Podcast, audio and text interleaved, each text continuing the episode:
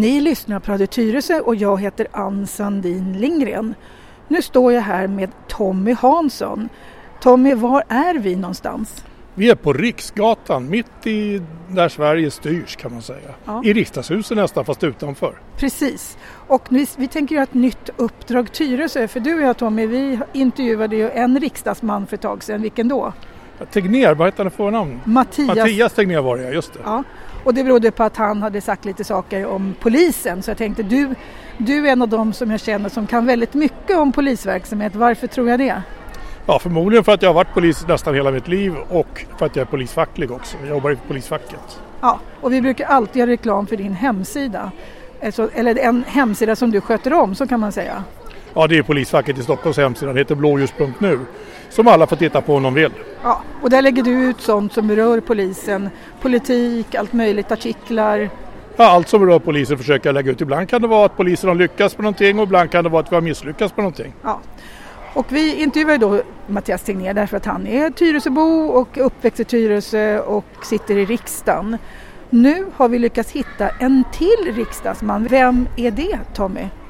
Thomas Tobé. Ja, han är inte socialdemokrat. Nej, han är moderat och eh, ganska högprofilerad moderat. Han har dessutom nu under den här mandatperioden varit deras talesman i rättspolitiska frågor. Ja, så att om de som har följt med debatten har ju sett honom diskutera med Ygeman flera gånger va? Ja, jag har själv sett honom tre, fyra gånger faktiskt så att det är mycket intressant. Och vad är det för speciellt med den här dagen när vi spelar in det här? Ja, idag ska ju budgeten tas, den här övergångsbudgeten eller vad det då blir för en budget. Och när vi spelar in det så vi har vi har ingen aning hur det blir och vi har ingen aning vilken regering det blir. Men sannolikt, vilken budget är det som kommer gå igenom idag? Ja, förhandstipsen enligt media är ju att Moderaterna och KDs budget kommer att gå igenom med SDs stöd. Då. Och därför vore det väldigt kul att få prata med Thomas Tobé som inte har bott i Tyresö speciellt länge. Han bor faktiskt inte så långt från dig tror jag. Nej, vi bor eh, i samma, inte kvarter, men vi bor åt samma håll i Tyresö. Ja, vilket område då? Ja, det är åt Trollbäckshållet. Så det vore kul att veta vad han tycker om Tyresö. Jag tänkte han ska få presentera sig, för det är bra om Tyresöborna vet vilka politiker vi har. Absolut, det är ju det som, de är ju till för att ha lite lokal förankring också. Så att det är ju väldigt värdefullt att vi kan få, om vi kan ha den rösten. Nu vet jag inte, det kanske vi kan fråga honom om om han ska sluta som eh, rättspolitisk talesman och kanske börja i EU till och med. Och då kan ju Tyresö få en röst i EU i så fall. Ja, och det, det handlar väl lite grann om vem, som bildar regering. För att om jag fattar rätt så blir det en alliansregering så blir han justitieminister. Det vet inte jag. Nej, men det, ah, vi vet ingenting. Och ni som lyssnar på det här nu, ni kommer ju veta allt det här som vi bara spekulerar i. Så att nu ska vi snart gå in här. Det står en massa vakter här. Du kan väl tala om varför står det en massa vakter här utanför hela tiden nu för tiden? Alltså säkerheten är ju jättehög. Man har ju alltid en risk för terrordåd eller vansinnesdåd. Så att eh, det har ju blivit tyvärr att det står tungt beväpnade människor utanför varenda offentlig byggnad av lite kvalitet. Ja, det gör det även på Sveriges Television där jag jobbar. Ja, vi, vi ska se om vi kan eh, ta oss förbi den här uh, skyddsvakt. Vad är en skyddsvakt? Ja, det är en skyddsvakt. Det betyder att de har pistol, pistol med sig då, så att de är ordentligt beväpnade. Är de utbildade av polisen? De får vid sin utbildning, jag tror de får dem av polisen. Jag är inte, faktiskt inte riktigt säker på Jag tror de får vapenutbildning åtminstone av polisen. Ja, vi kanske ska fråga? Nej, vi ska inte prata för mycket. Nej. Men han har, han har fullt upp att hålla koll. Okej. Okay. Alla måste visa lägg för att komma in här nu för tiden. Ja, det är det. Förr om, förr om åren fick man ju komma hit och bara gå in. Ja, de säger det att det var lite annorlunda. Det var lite annorlunda. Så är det säkerhetskontrollen där borta sen. Mm. Jaha, vi går rakt igenom här. Micken kommer du få ta då. Okej. Okay. Ja Tommy, nu har vi kommit igenom en spärr här. Det är som att flyga. Det är precis som på Arlanda fast där är de nästan ännu hårdare faktiskt. Ja. så när vi har kört våra väskor genom en sån här skanner och ska Men vi kom igenom bägge två, det tyckte jag var bra gjort. Det tycker jag också. Och vad var en skyddsvakt nu? Vi pratade lite med vakten där utanför. Ja, de är statligt anställda och så har de ju, de jobbar enligt skyddslagen så att de jobbar ju mot terror och, och eh, sådana saker, mm. alltså spioneri. Så, och då innebär det att de har ganska tuffa lagar de jobbar efter. Och jag skulle tänka mig att det är något liknande, de som, man tog ju ett par misstänkta spioner på Berga. Aha, okay. Muskö var det. Aha, okay. Bara för en vecka sedan. Det var ju ett par stycken som sa att de var bunkerturister. Och så, och så besökte de där klockan ett på natten när det småregnade och var... Eh, så att eh, soldaten där, för jag tror att det var en soldat, eh, sköt ju Aha, till och med. det. Mm. Så att, eh, och det vis, att man går in så, det är ju därför att man har den lagstiftningen. Det är så pass allvarlig misstänkt brottslighet så att om det skulle vara, säg spetsnaz eller spioneri av något annat slag, då är det klart att då går det inte att leka. Nej. Och de här vakterna här utanför riksdagen och på samma sätt där jag jobbar på Sveriges Television har ju rätt att vara beväpnade. Ja, det har de. Ja. Eh, Bero, eh, för, för, för, beroende på vilket uppdrag de har. Alltså. Ja. Så det kan de ha, ja. För vanliga ordningsvakter, vad har de för någonting egentligen? ja. De har väl en batong normalt sett. Ja. Och, Och sina- möjligen OC-spray. Okej, och sina muskler. Ja. De brukar se lite bitigare ut tycker jag, ordningsvakterna. ja, men eh, man vet ju inte om det beror på att de har skyddsväst på sig också. Så har Ja. de ordentligt med kläder för det är bra kallt att stå också. Ja, du har rätt i det. Jag har inte tänkt så. Ja, nu har vi kommit in här i riksdagshuset. Thomas Tobé, kul att du är med i vårt program. Ja, roligt att vara med. Ja, tala om var vi befinner oss, för det här kommer det vara lite ljud runt omkring här. Mm. Just nu befinner vi oss i någonting som heter eh, klubbrummet i riksdagen. Och det är egentligen ett rum då som finns till för eh, ledamöterna. Eh, och här har man traditionellt sett tidigare suttit och läst dagstidningar. Det finns ett rum här inne Aha. där det finns tidningar från hela Sverige. Eh, Men det där har ju förändrats väldigt mycket. Jag blev ju själv invald i riksdagen 2006 och då var det vanligt att man gick hit eh, och eh, läste tidningen. Men nu läser man ju ofta tidningen på nätet om man ska vara ärlig. Så därför tyckte jag att det passar bra att sitta här och göra intervjun. Ja. Och vi har pratat om den här dagen. Vi, vi, vi tyckte det var fascinerande att vi kunde bli mottagna just idag. Jag tänkte vara fullt upp och rösta på budget och sånt. Jag tänkte att det skulle gå åt hela dagen. Att det skulle vara debatter och jag tänkte nu kommer Thomas få mycket att göra. Jo men eh, det är en intensiv dag. eh, Men man får ta sig tid för viktiga saker. Eh, Men vi kommer att ha en omröstning klockan fyra idag i riksdagen och där är ju vår förhoppning såklart att då Moderaterna och Kristdemokraternas budgetförslag vinner. Och det är väl vad alla tror va? Ja, ska man tro vad alla partier har sagt än så länge Ja. så verkar det bli så. Och då innebär det då konkret att direkt efter det beslutet så måste till exempel då justitieutskottet som jag sitter i, vi, måste, vi kommer samlas klockan 18 ikväll. För då får det konsekvenser då kring hur mycket Aha. pengar ska Polismyndigheten Ja. få till exempel. Ja, nu Thomas Tobé, vi har ju liksom låtit Mattias Tegnér som är den andra riksdagsmannen från Tyresö tala om vem han är. Han har ju berättat om att han är eh, liksom hockeytränare och allt möjligt. Så nu måste du få lov också presentera det därför att på Tyresö närradio så är alla föreningar med och bland annat är Moderaterna i Tyresö också medlemmar i Tyresö närradioförening. Så att du måste få bre ut dig lite här. Vem är Thomas Tobé? För du är inte Tyresöbo från början. Nej, det får jag erkänna att jag inte är. Eh, jag är född och uppvuxen i eh, Gävle. Eh, men vi flyttade till Tyresö 2000 14 eh, trivs ju fantastiskt bra. Ja. Alltså, eh, hade egentligen ingen stark relation till Tyresö innan utan Nej. rätt mycket tillfällighet. Ja. Vi trivs fantastiskt bra eh, i Tyresö. Jag tycker den här liksom tillgången till naturen. jag måste också säga jag tycker Tyresöbor är väldigt bra människor. Alltså i grunden liksom positiva människor som vill väl, brinner väldigt mycket för Tyresö och det känner jag att man själv gör. Bara liksom efter ett antal år så blir man rätt engagerad i lokalsamhället och det, det tycker jag, för mig skiljer det sig lite grann faktiskt från eh, vad jag liksom upplevt i Gävle. Ja, du kommer från Norrland eller från Gävle som vi. Norr om stan. norr om Sö- Norrlänningar tycker inte Gävle är Norrland kan jag säga. jag vet, jag Ja. vet det, men vi stockholmare tycker att det är. Absolut. Ja, du kommer från Gävle. Men beror inte det också på att du har barn? Blir man inte väldigt liksom, lokalt intresserad när man får barn? Jo, eh, det kan väl ligga en del i det. Ja. Eh, Jag har två stycken tvillingar i femårsåldern. Så det är klart att då blir frågor om eh, förskola och skola blir viktigt och eh, man kanske på ett mer eh, existentiellt plan också funderar mer över livet och vad är det för samhälle som barnen ska växa upp i. Det är klart att det, jag tror det påverkar alla människor faktiskt. Och du bor på, är det på Fornöden du bor? Ja, bor på Fornudden. Och är, det, är du involverad någonting i den lokala politiken? Ja, det är klart att jag har försökt hjälpa till så mycket jag kan eh, för eh, Tyresö Moderaterna. Eh, men jag har inga, inga lokala politiska uppdrag. Men det är klart att jag försöker att delta på en del partiaktiviteter och bidra med en del perspektiv. Jag kommer ju från en kommun, Gävle, där Socialdemokraterna hade styrt i 100 år eh, innan Moderaterna fick chansen att styra. Och eh, jag sa det till mina partikamrater i Moderaterna i Tyresö nu att ni måste ändå förstå känslan för Socialdemokraterna att nu få liksom komma tillbaka till makten i Tyresö efter 20 års väntan. Alltså det finns en det kunde väl... vara kurator där? Lite, lite så men ja. Eh, det, så här, jag tror att man får förstå att partier som har varit borta från makten väldigt länge är också beredda att göra ganska mycket för att komma tillbaka och det behöver inte bara vara negativt. Det kan innebära att man är väldigt engagerad, att man försöker vara väldigt nära och lyssna mycket på, på väljarna. Och där finns det ju för Moderaterna, och det har vi själva konstaterat, det, det finns en del för oss att lära av dem de sista åren i, i Tyresö där vi kanske inte har lyssnat tillräckligt mycket på Tyresöborna och kanske mm. inte specifikt också på Fornudsborna. Nej precis och där har ni lokala frågor som har upprört folk.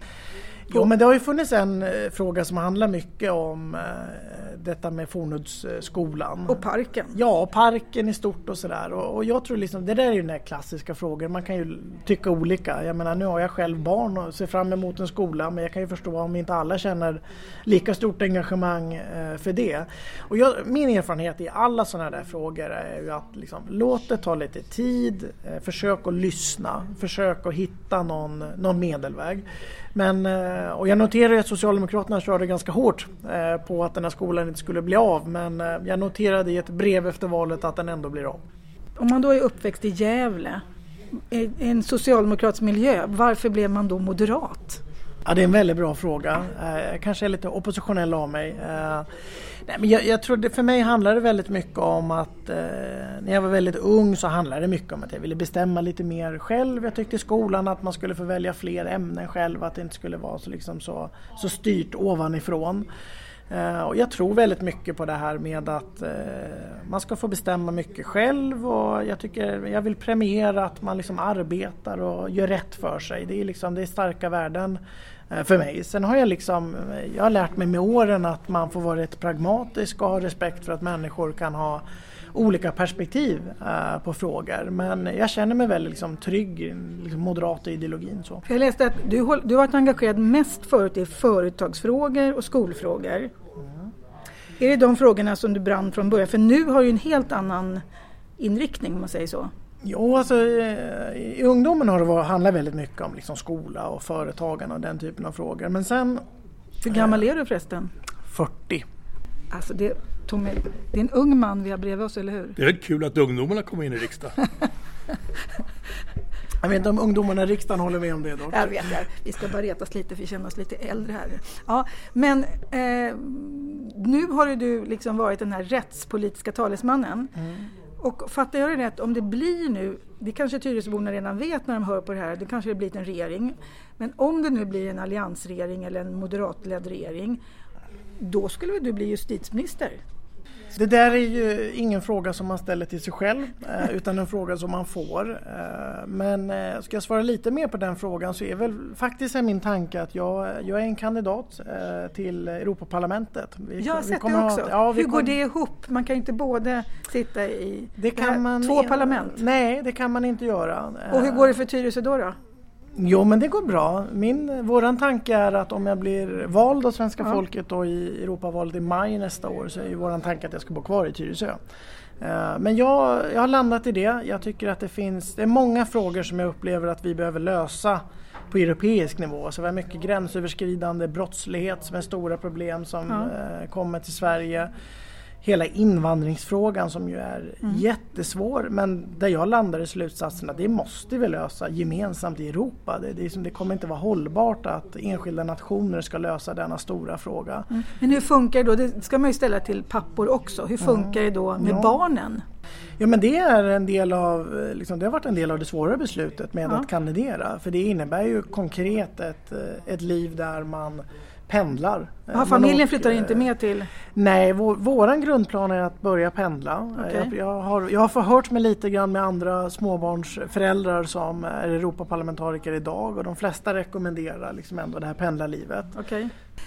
Då i Tyresö, nu vänder jag mig till Tom här, vi har ju haft en del kända politiker i Tyresö. Absolut, vi har ju haft framförallt Ingvar Carlsson förstås som var statsminister och allting. Men vi har ju även haft eh, en riktig arbetare, Lasse Werner, muraren, på, på vänstersidan. Och sen så har vi ju även haft eh, Ulf. Lundqvist, Lönnqvist. Han var ju eh, en grå eminens verkligen i det socialdemokratiska partiet. Ja, han var bland annat eh, tror jag, idrottsminister och allt möjligt sånt Ja, där han, också. han kunde göra vad som helst, för Ja. han kunde det mesta. Och sen hade vi en blind minister. Ja, Bengt Lindqvist va? Ja, eller Li- Lindström eller Lind... Lindström, ja. Ja, vi, vi är inte hundra. Men så vi har haft många ministrar. Ja, vi har haft Ja. flera ministrar. Så nu måste vi fråga igen. Thomas, om du då får chansen att välja bli fin minister och representera Tyresöborna eller liksom EU-parlamentariker, vilket är finast? Det är väldigt svårt att svara på. Eh, Men för mig har jag liksom landat ner i att jag vill kandidera till Europaparlamentet. Eh, Så där ligger jag. Ja, okej. Nu ska vi gå in på de frågor som gäller. För att vi ska inte bara prata, liksom, nu har du fått tala om vem du är. Och jag då som är socialdemokrat vill inte låta dig helt bre ut hur mycket som helst så alla fattar hur trevlig du är. Utan nu ska vi prata om de här hårda frågorna. Ja, vi har ju läst er budget och nu när vi sitter här så kommer förmodligen den budgeten som ni har lagt gå igenom. Vad är satsningen på poliser i den? Det kommer ju att vara en rätt eh, stor satsning eh, på eh, svensk polis.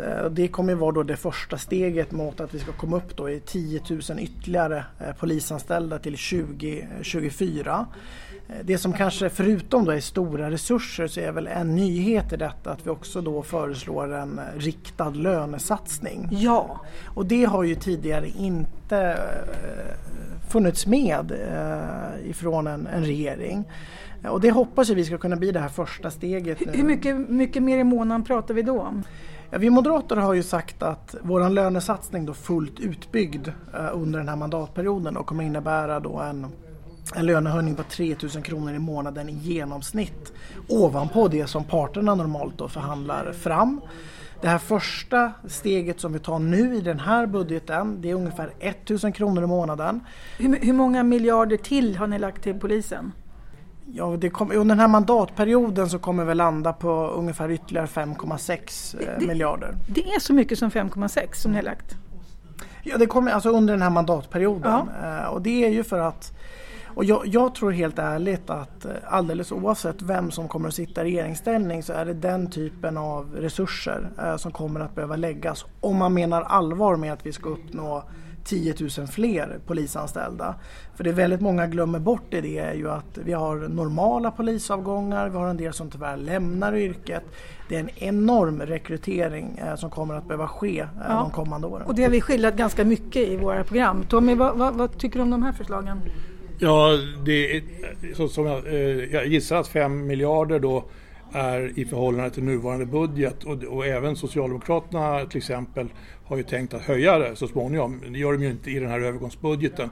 Så att i den övergångsbudgeten i förhållande till den så blir det en rejäl förbättring. Det, det är ju självklart. Absolut. Men, framf- men sen är det också så att den här riktade lönesatsningen det är ju någonting som många poliser faktiskt har efterlyst. Men jag, jag har ju tittat lite grann på Moderaternas förslag även i övrigt inför det här programmet. Och då finns det någonting som jag nästan tycker är ännu bättre. Ja, jag vet nästan vad du ska säga. Ja, det, det- tycker jag också nämligen. Därför att vi har problem att fylla platserna på Polishögskolan. Gång på gång så hamnar vi någonstans 20-30 procent under alla platser som blir besatta på riktigt. Så det kommer ut riktiga poliser av. Ja, och det pratar Och- vi om att ni har ju en gång, du har ju en gång haft betald utbildning. Jag hade lön. Jag, jag, jag blev anställd när jag gick Polishögskolan. Ja. Och jag hade inte blivit polis annars. Nej. För jag hade möjlighet att läsa högskola eller göra någonting annat. Men då sa jag det, jag kan bli polis och sen får jag se. Men så kan man inte göra idag, utan idag måste man finansiera två och ett halvt år med studielån. Och då har ju Moderaterna föreslagit att om man stannar kvar i fem år så får man studielånet avskrivet med en femtedel per år. Så att efter fem år så är man så att säga fågelfri Ja, i den delen av studielånet. Tommy, nu måste vi låta. Thomas då få berätta om sitt förslag, för det är precis det vi uppfattat. Ja, Stämmer här- det? Stämmer det? Ja, så här, det är ett eh, förslag som jag är väldigt stolt över att Moderaterna har lagt. Men saker och ting ska vara korrekt. I den gemensamma budget som ligger nu från Moderaterna och Kristdemokraterna då har vi endast med att den frågan utreds. Det vill säga det finns en del övertalning kvar att göra av våra vänner i Kristdemokraterna och för den delen hos andra partier. Eh, jag är ju av åsikten att om man inte inför betald polisutbildning så kommer vi inte att lösa den här rekryteringsfrågan till polisen. Det, då kommer det fortsätta med tomma utbildningsplatser. Eh, jag har goda förhoppningar om att det här kommer komma på plats. En, vi skulle behöva komma i regeringsställning för att liksom initiera det. Det är, det är en förhållandevis liten kostnad i en statsbudget. Eh, men jag är lite förvånad över att Moderaterna än så länge är ensamma. Jag tycker att det är ett förslag som alla partier borde liksom bara haka på. Men Thomas, är inte det också någonting nu inför valet nu så jag har aldrig hört så många partier tycka lika när det gäller polisfrågor. Ja, ja så här, vi är ju samstämmiga i målet ja. över fler poliser. Jag menar, det är rätt unikt får man nog ändå säga att eh, ja, men till och med Vänsterpartiet gick till val på ja. fler poliser. Ja, det exakt. har jag liksom aldrig varit med nej, om. Nej. Eh, så det är klart att det, det, har hänt någonting och det är ju tyvärr drivet av samhällsutvecklingen. Vi ser ju alla att vi har tyvärr för mycket problem med kriminalitet och det är eh, för låg polistäthet. Och det är ju inte bara liksom ett resultat av nuvarande, eller den regering som vi har haft utan det här är ju liksom historiska synder där vi inte har planerat tillräckligt väl eh, för att mm. möta den utveckling vi ser i samhället. Så att jag hoppas ju ändå att vi ska kunna under den här mandatperioden göra lite mer långsiktiga överenskommelser. Jag, jag tror på polisområdet borde vi kunna ganska brett kunna skaka hand. Dels om den här lönesatsningen så att den håller över tid. Så vi vet att nu börjar vi på riktigt höja upp lönerna. För det tror jag är viktigt framförallt för poliserna i, ja, i yttre tjänst. Att man inte slutar. Att, man, att man, inte... slutar och vet om att så här, ja, men jag, så här, nu kommer det att komma ordentliga lönehöjningar utöver ja. det som normalt kommer. Och sen också då det här med betald polisutbildning. Eh, mm. Det är det jag verkligen också hoppas att vi ska kunna skaka hand om för det är det är någonting som skulle få stor effekt. Mm. Och Tommy, drar det här igen. Vad tjänar en polis när man kommer ut? En polis, eh, idag när man kommer ut, då kan man tjäna ungefär 26 000 kronor.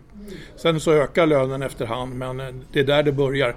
Fast allra först så får man faktiskt praktisera och då får man 15 000 kronor i månaden under, under ett halvt års tid. Så att det, men det är väl eh, mer eller mindre istället då för, för studiebidraget så att säga. Så att, eh, men, men, det var så att för en, eh, ett antal år sedan så låg vi på den högre delen eh, av statstjänstemän och idag ligger vi på den lägre delen av statstjänstemän.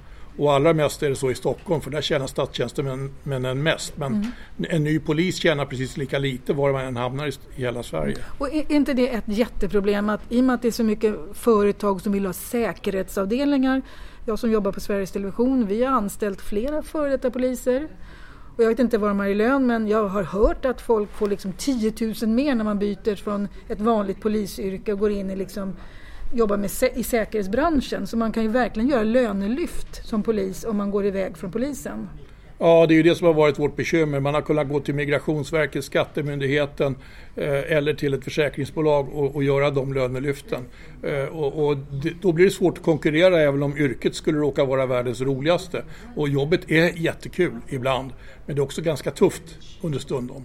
Ja. Så att det har sina sidor, till exempel om man ska jobba skift och vara borta mycket från familjen. Mm. Så att det gör att det finns, om man då kanske inte får det drömjobbet man vill ha inom polisen, man kanske tycker att det börjar bli slitsamt och så får man ett löfte om 10 000 mer, ja då är risken att man lämnar skutan. Ja, speciellt om man har små barn kanske, för det är väl då om båda två jobbar inom... Ja. Det är mycket vanligt. Ja. Det, det Tom och jag satt och, stod och pratade om innan här, det är att som du säger så eh, åtta år av allianser i Sverige och fyra år då av en rödgrön regering. Varför har det dröjt så länge? För de här frågorna har ju varit aktuella ganska länge och varför gjorde man ingenting under förra?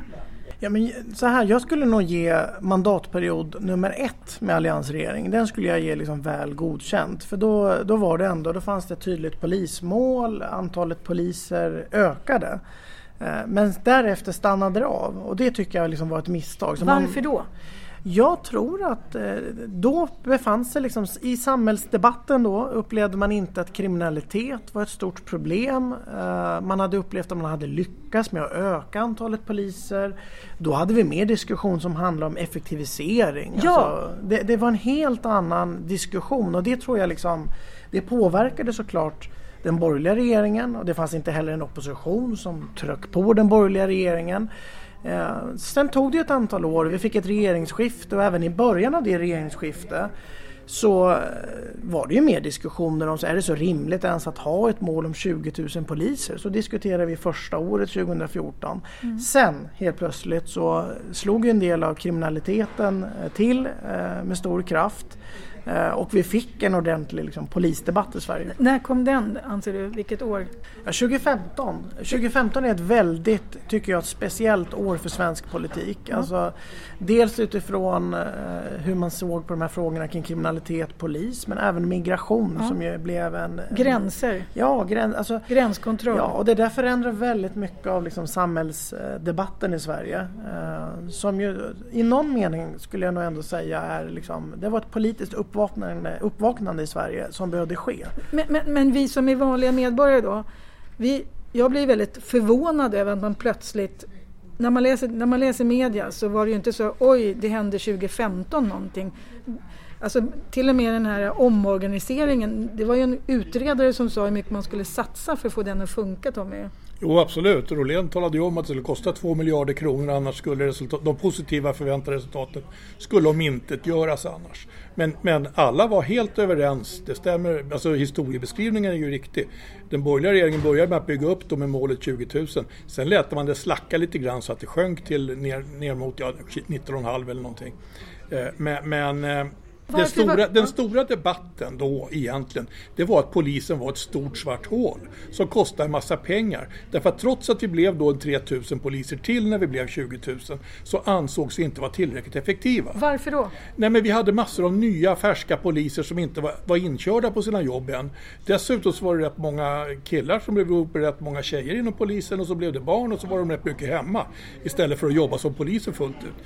Det, det var sådana där saker som spelade in och det där finns det en utredning på som talar om alla de här orsakerna.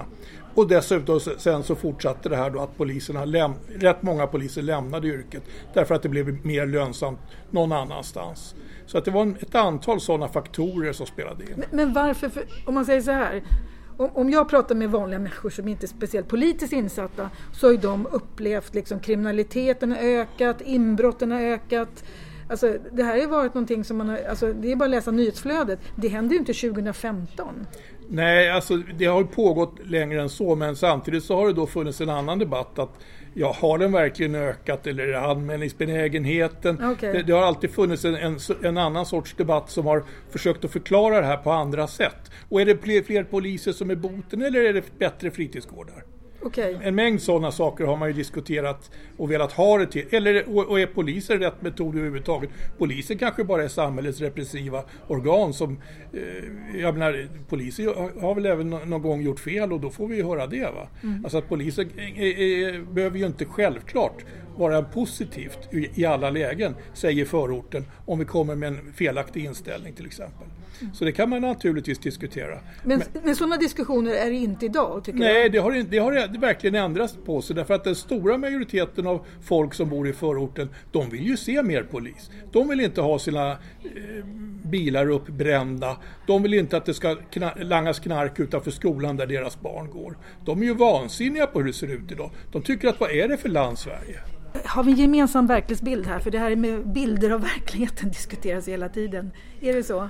I stort i samhället har vi det idag. Några saker har ändå hänt just de senaste åren om man tittar på statistiken. Alltså titta på ökningen av utsatthet för sexualbrott. Där har verkligen någonting hänt de senaste åren. Tittar vi på unga män som skjuts ihjäl. Ja. Där har verkligen också någonting hänt de senaste åren. Så det finns några saker som ändå har gått snabbt. Sen är det såklart förklaringen handlar inte om ett enskilt årtal. Eh, utan mycket handlar ju om att vi liksom har släppt gängkriminaliteten och de utsatta områdena alldeles eh, Ja, för det är en längre process. Det är, det är en mycket längre ja. process. Och, Eh, men det är klart att det, det har, eh, det, vi är i, tycker jag då personligen, jag tror verkligen att vi i Sverige är liksom vid ett vägval nu. Eh, och jag hoppas verkligen nu att den här verklighetsbilden som vi har nu, att nu kan vi väl ta avstamp i den. Alla partier behöver väl inte hålla med om det, men om de stora partierna gör det, då tror jag också att vi liksom lite handfast kan göra någonting eh, åt det här. Mm. För att, när jag läste på mer så pratade du också om vardagsbrott. Alltså, alltså det är vardagsbrott. Tala om vad man brukar mena med vardagsbrott Tommy. Ja, det, det, är alla möjliga små brott som allmänheten drabbas av. Det kan vara ficktjuverier eller inbrott i en bil eller en cykelstöld klotter som gör att det blir en tråkig miljö där man är hela tiden. Mm. Och, och, sånt lägger man ganska mycket på hyllan. Men vardagsbrott idag, skulle jag uppleva i alla fall när jag läste nyhetsflödet, det är ju faktiskt skjutningar. Det har blivit vardagsbrott. Varje dag är det en skjutning. Så snart är det någonting man inte ens reagerar på. Nej men det, det har blivit en normalisering. Visst har det blivit det? Eh, och eh, det är lite, det är otäckt eh, att det har blivit så. Och det finns också, jag tycker liksom det finns också andra små exempel då som ändå handlar om vardagsbrott. Jag såg nyligen gick det ut en, en, en nyhet här som eh, pekade på att när det gäller bedrägerier som ju ökar jättemycket eh, tyvärr så börjar man nu landa i att om det är ett bedrägeri som sker för under 5000 kronor i värde, ja då ska polisen inte ens utreda den frågan. Eh, Därför man har inte, och det är nästa fråga så här, för att även om ni satsar då 5,6 extra miljarder på polisen mm. så säger ju till exempel Akademikerförbundet att det är inte bara polismyndighet, det är Säkerhetspolisen, det är Ekobrottsmyndigheten, det är Åklagarmyndigheten, domstolsväsendet, för att inte tala om kriminalvården. Det hör ju ihop.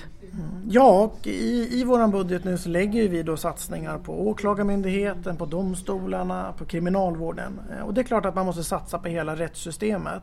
Domstolsväsendet, finns det inte en flaskhals där? Jo, det gör det. Eh, men jag skulle nog ändå säga att just nu sticker ändå polisen ut som den stora flaskhalsen. Och ofta i den här diskussionen som handlar om ja, men borde vi inte istället arbeta med ännu mer förebyggande åtgärder och, och så. Eh, och så är det ju. Men har vi inte en närvarande polis på plats som jag vill påpeka också arbetar förebyggande. Yes.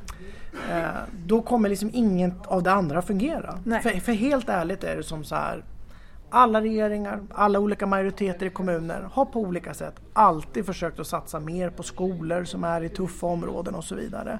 Men med väldigt lite effekt. Eh, man har försökt arbeta med kanske etablera en fritidsgård i ett område för man tänker att det är bra sysselsättning för ungdomarna.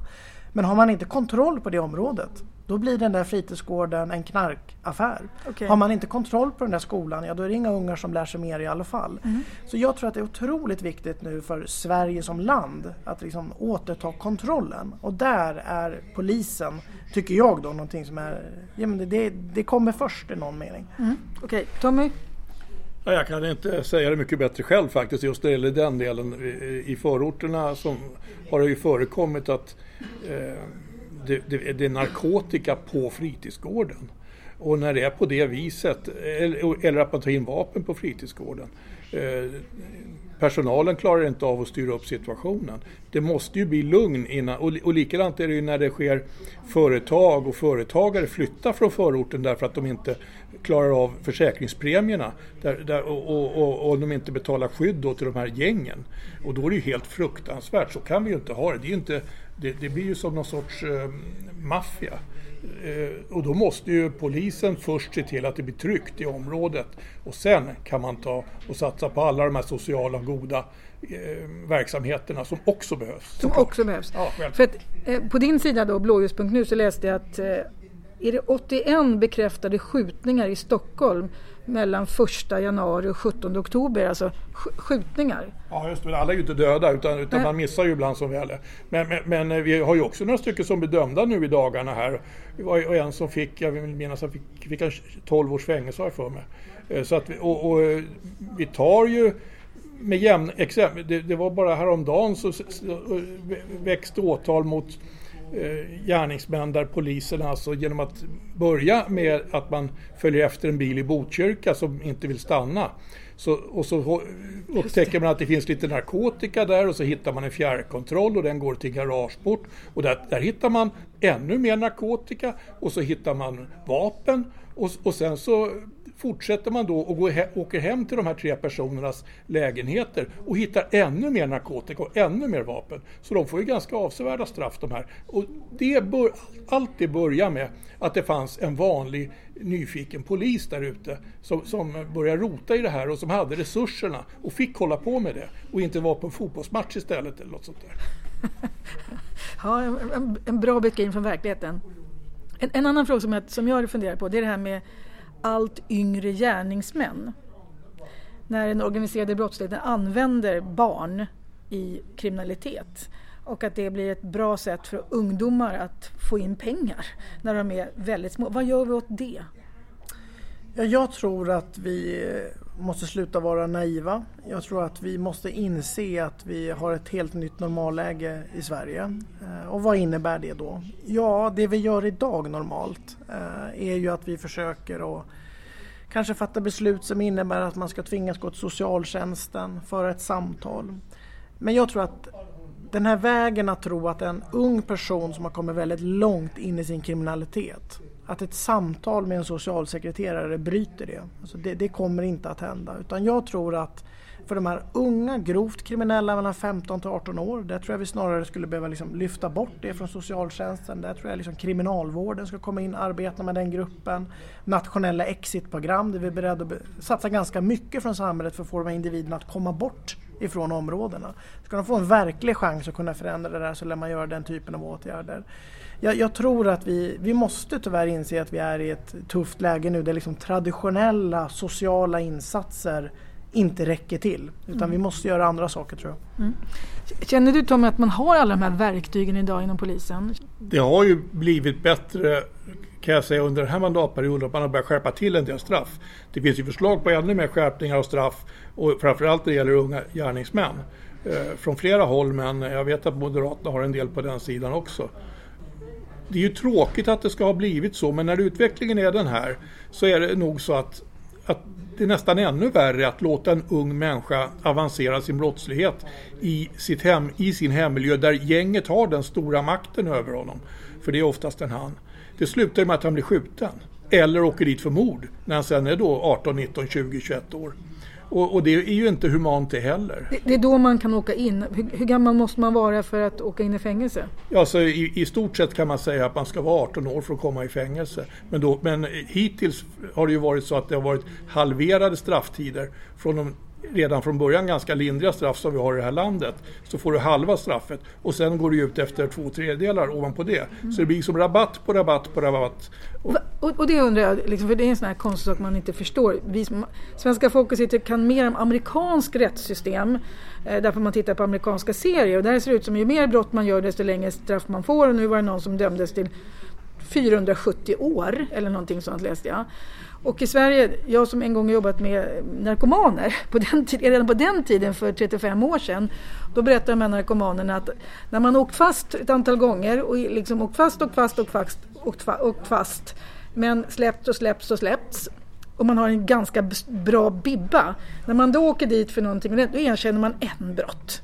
Så att man, liksom, man tar någonting som man gör en volta på en månad fast man egentligen har gjort massor med saker. Men ingen orkar bevisa det och man vet att bara man går med på en grej då funkar det. Så var det för 35 år sedan. Och så låter det idag också. Att man kan liksom, man, man, alltså de här stackars åklagarna som får den där brottslingen i 21-årsåldern, det är en bunt med brott.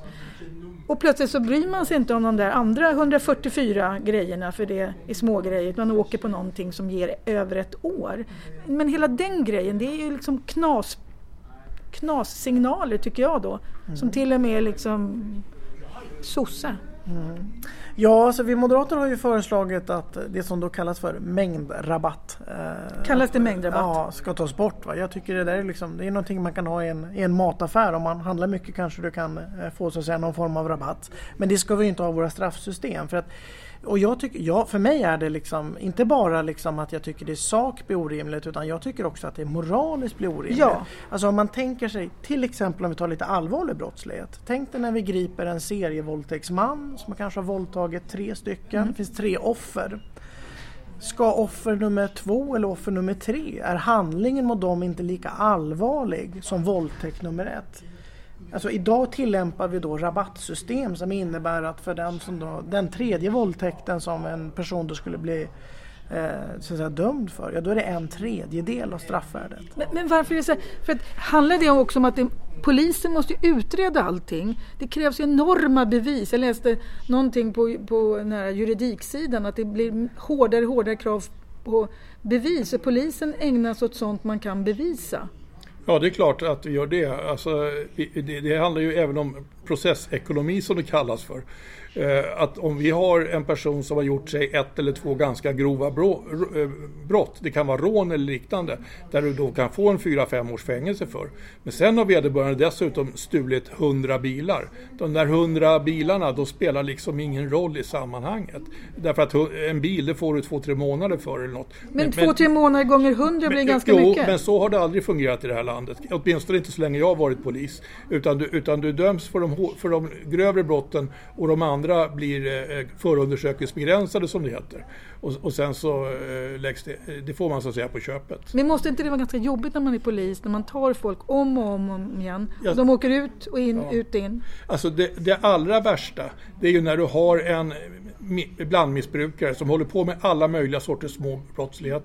Och du tar dem gång på gång på Exakt. rattfylleri. Som för dig och mig skulle betyda social ruin. Jag skulle, jag skulle bli av med mitt jobb om jag kör rattfull. Och du råkar också illa ut för att bli av med ditt körkort och så vidare. Men den här personen, han håller på och åker med nya bilar och har aldrig haft ett körkort. Sen då den 21 gången, fast då har han redan kört 250 gånger men åkt fast 21 gånger. Då kör han ihjäl en 15-årig flicka som hände var i Nora. Eh, och, och, så ska polisen ut och leta efter honom och ta honom. Och då, och då säger hela samhället, varför har ingen stoppat honom? Mm. Polisen har stoppat honom 21 gånger. Mm. Men det har inte hänt någonting. Och det kostade den flickan livet. Mm. Ja, det, och det är det här jag menar att eh, Sverige behöver liksom egentligen en helt ny kriminalpolitik. Är man enig om det tror du mellan partierna? Nej, det är vi inte än, men jag tror Nej. att vi kommer att bli det. Och, och, jag tror att uppdelningen ska vara som så att Människor som begår väldigt mycket brott, det vill säga återfallsförbrytare, eh, där vi har st stora problem med att man är livsstilskriminell. Ja, där menar jag att där behöver vi ha rejält mycket mer skärpta straff för att skydda samhället. Mm. Det, det, är inte någon naiv tro att det alltid leder till en rehabilitering som gör att man kommer tillbaka till ett gott liv. Däremot tycker jag att vi, vi ska fundera på till exempel om vi tar nu narkotikafrågan som är rätt svår.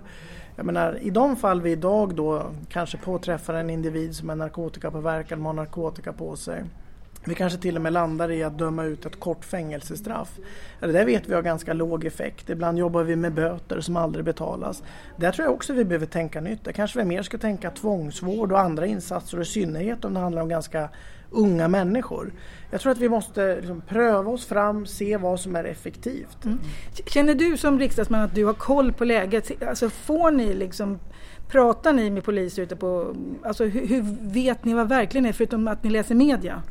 Ja, verkligen. Men det, men det är ju upp till en själv. Jag, menar, jag har själv personligen besökt en majoritet av de utsatta områden som finns i Sverige. Och det gör ju att då känner jag ju själv en trygghet. Vad tycker medborgarna som själva bor i de utsatta områdena? Men i, i utskottet där du sitter, får ni besök, får ni, vet, får ni information från verkligheten, ni som ska ta besluten? Nej, men jag, upple- jag, ska nog, jag vill nog ändå tala gott om alla partier och liksom, jag tror att de allra flesta är ute väldigt mycket okay. och liksom har ändå en bra bild. Sen kan man ju landa i olika slutsatser. Men för mig har det alltid varit som så att, i synnerhet kanske när du säger lite mer kontroversiella saker, mm.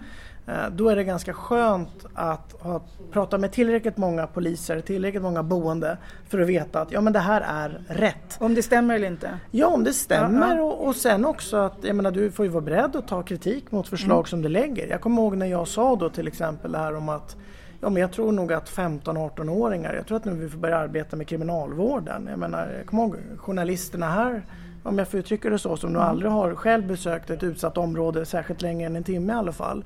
Ja, de sa men gud vad fruktansvärt det är. Vill du, vill du slänga 15-åringar i fängelse? Och då, då, då är jag lite så här, och, då, jag menar, och de menar att de boende, de vill inte ha fler poliser, de litar inte på polisen. Och då är jag så här, nej men du har fel. Mm. De hedliga som bor i de här områdena vill ha fler poliser. Precis. De vill att vi plockar 16-17-åringen eh, som står och säljer narkotika. Det kan mm. jag lova er. Och då kan man stå upp för det mycket lättare. Thomas Tobias skulle kunna sitta här hela dagen. Jag tycker sånt här är jätteviktigt. Det är väldigt kul att sitta här. Snart ska du gå och rösta på en budget. Innan jag slutar med intervjun med dig så tänkte jag bara så här, hur är då Tyresö? Eh, jag, jag frågade en annan polis, jag frågade Claes Stjernström, han sa vi är en liten skärgårdsidyll. Tommy, vad tycker du först? Hur, hur är Tyresö i förhållande till när det gäller kriminalitet och sånt? Det händer ju en del väldigt otrevliga brott även i Tyresö. Jag har eh, en bekant på gatan nästan där jag bor som hade inbrott i sitt hus och det är alltid väldigt eh, jobbigt när sånt händer. Han var ute och reste och sonen var ensam hemma men var borta någon timme så frågade ni om de hade spanat på dem. Man får en osäkerhetskänsla. Så att sånt där är inte trevligt och det händer och det händer ju rån i Tyresö ibland att man rånar butiker och annat och det blir ju ett brottsoffer där med. Det händer ändå inte lika ofta i Tyresö som på många andra ställen så Tyresö är relativt lugnt. Och vi har inget riktigt utanförskapsområde. Det är sant. Men, men, samtidigt så tänk om vi hade haft 10 poliser som fick jobba i Tyresö jämt. Vi hade 20 stycken poliser ja. i, vår, i vår egen polisstation. Jag är väldigt station. modest, jag vet. Mm, ja. Så vad tycker du om då Tyresö? Nu går vi tillbaka till Tyresöborna här. Hur är det att vara liksom, hur känner du när det är, är du trygg i Tyresö, Thomas Tobé? Ja, det måste jag säga. Jag, jag känner mig väldigt eh, trygg eh, i Tyresö och hela området. Sen, så, sen är det ju på grund av att det är förhållandevis tryggt i Tyresö så gör ju det att vi har en polisbemanning därefter. Mm. Eh, och det blir ju ett problem. För det är ju väldigt lätt att eh, det där förändras. Alltså, vi har ju sett i andra områden där man inte haft polisbemanning. Ja, då söker sig till exempel stöldligor till de områdena. Eh, gäng som vill råna andra ungdomar söker sig till de områdena. Eh, så att eh, det är viktigt att ändå se till så att man får en ordentlig polisbemanning. Du kommer låta barnen gå till skolan själva? Jag tror det. Jag är själv uppvuxen med frihet under ansvar. Sen får vi se i alla fall jag är en större hönspappa får jag väl kalla det då eh, än, än, än, än, vad jag hävdar. Men jag tror det. Jag känner mig i grunden ganska trygg eh, mm. i Tyresö än så länge. Ja, vad skönt att höra. Har du några mer frågor till Thomas som, som inte jag har lyckats ställa till mig?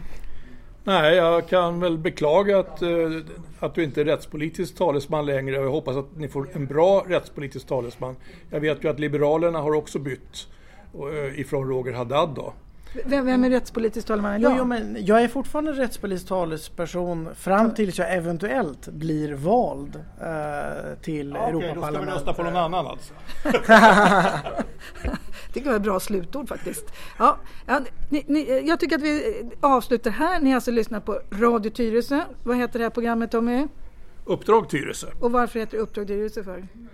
Ja, det var en bra fråga. Du har förmodligen fått uppdrag att intervjua en massa folk. Jag vet faktiskt ja, Det beror på att, att vi har ett uppdrag att, att, kolla på verkligheten och det var egentligen din kollega Thomas Martinsson och jag som hittade på det här programmet när vi satt i socialnämnden i Tyresö. Ja, det borde jag ju. Ja, ja, men det, och vi tar upp sådana lokala frågor. För en gång skulle åker vi in till den här vet, grannkommunen vi har, vår lilla förort Stockholm och sitter här.